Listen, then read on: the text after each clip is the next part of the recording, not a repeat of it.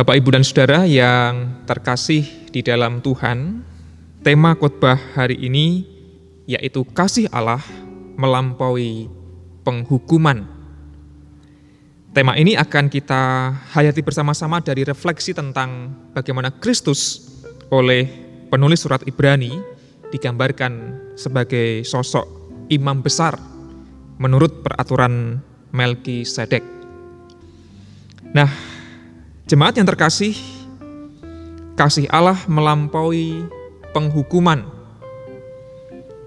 Jikalau iman kita kepada Allah ditata dengan rumus-rumus matematika, barangkali hitung-hitungan akan membuat kita tidak akan pernah bisa selamat. Karena kalau dihitung-hitung, antara perbuatan baik dengan dosa-dosa kita, barangkali lebih banyak dosa-dosa yang kita lakukan, atau yang kita ucapkan, atau yang kita batin dan pikirkan barangkali. Pernahkah kita menghitung dalam satu hari ada berapa perbuatan baik yang kita perbuat dan ada berapa perbuatan jahat, perbuatan dosa yang kita lakukan? Andai iman kita dihitung secara matematika, ditimbang seperti pahala, maka barangkali tidak ada atau hanya sedikit sekali orang yang memenuhi kriteria untuk bisa selamat secara iman. Namun bersyukurlah kita karena iman kita kepada Allah bukanlah ditata dan dihitung menurut kriteria timbangan mana lebih berat antara dosa dan pahala misalnya, seperti ajaran sesama kita. Meskipun ada banyak orang Kristen yang masih berpikir seperti itu. Ketika ia merenungkan kehidupannya, maka bisa terjadi dua ekstrim menurut saya yang bisa berbahaya kalau tidak kita waspadai. Ekstrim yang pertama, ada orang-orang yang terlalu merasa berdosa, terlalu merasa bersalah, sehingga kemudian mentalnya adalah mentalitas terhukum, karena dia merasa dirinya begitu berdosa, kemudian secara tidak sadar ia merasa dirinya pantas dihukum.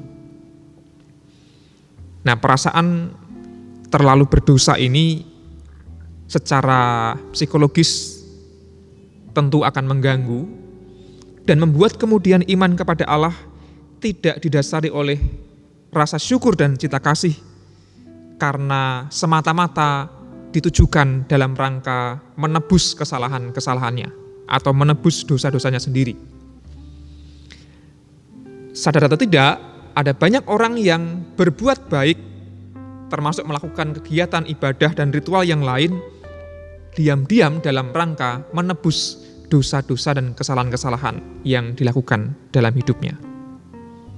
Nah, hal ini secara iman Kristen sebenarnya tidaklah pas, karena kebaikan kita, ibadah kita, bukanlah dalam rangka menutupi kesalahan kita itu orang yang terlalu ekstrim merasa sebagai orang yang berdosa sehingga mentalitasnya adalah mentalitas terhukum dan ia harus kemudian menebus dirinya sendiri. Dan kita tahu bahwa dalam iman kita yang menebus bukanlah perbuatan kita, yang menyelamatkan buat bukanlah perbuatan kita, melainkan penebusan oleh Yesus Kristus semata. Ekstrim yang lain barangkali yang juga berbahaya bukannya merasa terlalu berdosa, melainkan merasa terlalu berjasa. Orang yang merasa sudah banyak sekali berbuat baik, orang yang merasa sudah sangat rajin beribadah, berdoa, dan seterusnya, dan seterusnya. Dia merasa punya bekal yang cukup untuk bisa meraih keselamatan dari Tuhan. Ini pun diam-diam juga berbahaya, dan diam-diam juga barangkali dirasakan oleh di antara kita. Aku sudah merasa hidupku baik di keluarga, di rumah, di gereja, di tempat kerja, dan seterusnya, dan seterusnya. Pasti Tuhan Allah melihat segala perbuatan baikku dan aku e, dikasihi dan aku diberkati dan seterusnya, dan seterusnya. Ya tentu tidak masalah jikalau perasaan semacam itu ada batasnya. Namun terkadang sampai ekstrim orang merasa terlalu berjasa sehingga merasa dirinya itu penting di hadapan Allah. Nah refleksi dari kitab Ibrani pada hari ini menarik Bapak Ibu dan Saudara yang terkasih bahwa pusat dari iman kepada Kristus adalah pengakuan Yesus Kristus sebagai imam besar. Apa maksudnya? Imam dalam tradisi Yahudi Israel adalah sosok yang berperan sebagai perantara antara Allah dan umat, umat dan Allah khususnya. Jadi orang Israel memusatkan ibadah mereka pada peran sang imam yang boleh dan yang bisa memimpin upacara persembahan kurban hanyalah imam. Doanya imam akan membuat persembahan itu, kemudian doa-doa umat sampai kepada Allah. Bahkan hanya imam besarlah yang boleh masuk ke dalam ruang maha kudus. Jadi imam sangat berperan sentral dalam ritus keagamaan Yahudi. Nah karena pembaca surat Ibrani ini adalah sebagian besar orang-orang Israel, orang-orang Yahudi, maka penulisnya kemudian membuat sebuah kegambaran bahwa imam bagi umat Allah bukanlah imam secara jasmani atau tokoh-tokoh imam dari suku Lewi misalnya, melainkan Yesus Kristus sendiri. Nah, inilah yang kemudian dipandang perlu oleh penulis surat Ibrani menyebut kata-kata e, menurut peraturan Melkisedek. Mengapa demikian? Karena kalau dirunut dari aturan, Gusti Yesus itu bukanlah orang yang berasal dari suku Lewi, jadi dia bukan pewaris jabatan imam dalam keagamaan Israel atau Yahudi, tentu saja sudah jelas. Yesus orang biasa, orang kampung Nasaret, anak tukang kayu dan dia tidak punya terah sebagai imam. Menurut peraturan itu, Yesus gak masuk kriteria sebagai imam. Namun dalam tradisi Israel kuno, terdapat peraturan Melkisedek. Melkisedek itu e, ditafsirkan oleh beberapa orang, ada yang menganggapnya ini adalah sosok tertentu, tapi ada yang menganggap ini bukanlah orang, tetapi sebuah orde. Kalau di Indonesia ada orde lama, orde baru, orde reformasi, nah di Israel pernah ada orde Melkisedek. Kata Melkisedek sebenarnya berarti uh, melek atau malak itu raja, sedek itu benar atau adil, jadi raja kebenaran. Pada zaman itu Allah menunjuk imam bukan dari keturunan mana pun, melainkan ditunjuk oleh Allah. Jadi sebelum ada peraturan bahwa yang jadi imam haruslah orang Lewi, di Israel sudah ada orde tertentu, imam ditunjuk oleh Allah. Nah, penulis Ibrani ingin mengatakan Yesus itu bisa masuk kriteria pantas sebagai imam besar karena Allah yang menunjuk, karena Allah yang memilih. Nah, itu ditegaskan dalam ayat yang kelima tadi.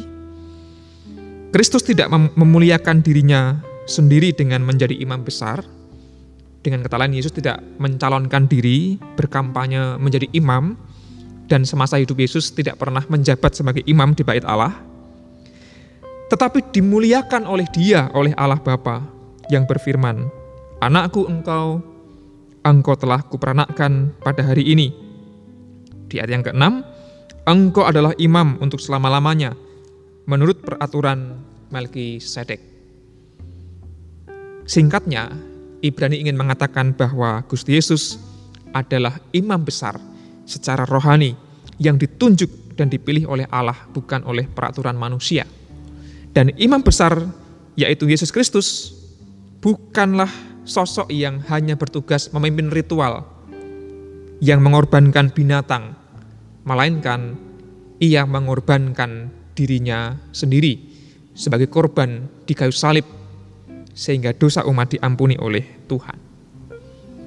Itulah makna penebusan yang disarikan oleh kitab Ibrani ini dalam konsep Yesus Kristus sebagai imam besar.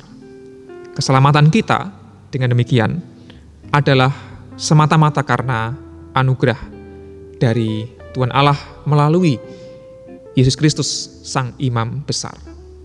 Keselamatan kita bukanlah hitung-hitungan matematika, pahala dan dosa. Keselamatan kita bukanlah sesuatu yang kita raih dengan perjuangan. Sebaliknya, justru karena kita menyadari sudah ada Sang Imam Besar yang menggantikan dosa-dosa kita, segala perbuatan baik, segala ibadah kita merupakan wujud cinta kasih yang tulus serta wujud syukur kita kepada Allah. Minggu Prapaskah yang kelima ini mengajak kita untuk terus mengasah ketulusan kita kepada Allah. Dan mari kita tidak terjatuh pada semangat terlalu merasa berdosa atau terlalu merasa berjasa. Karena Allah memberikan kasih yang melampaui segala penghukuman. Kita bukanlah orang-orang yang terjajah dan terhukum. Kita bukanlah orang-orang yang tertindas. Kita adalah orang-orang yang telah diselamatkan dan dibebaskan. Dan mari menghidupi kasih seperti yang Kristus teladankan, yaitu kasih yang mau berkorban dengan tulus dan penuh syukur kepada Allah. Tuhan memampukan kita sekalian. Amin. Saudara terkasih, mari kita memasuki saat hening sejenak.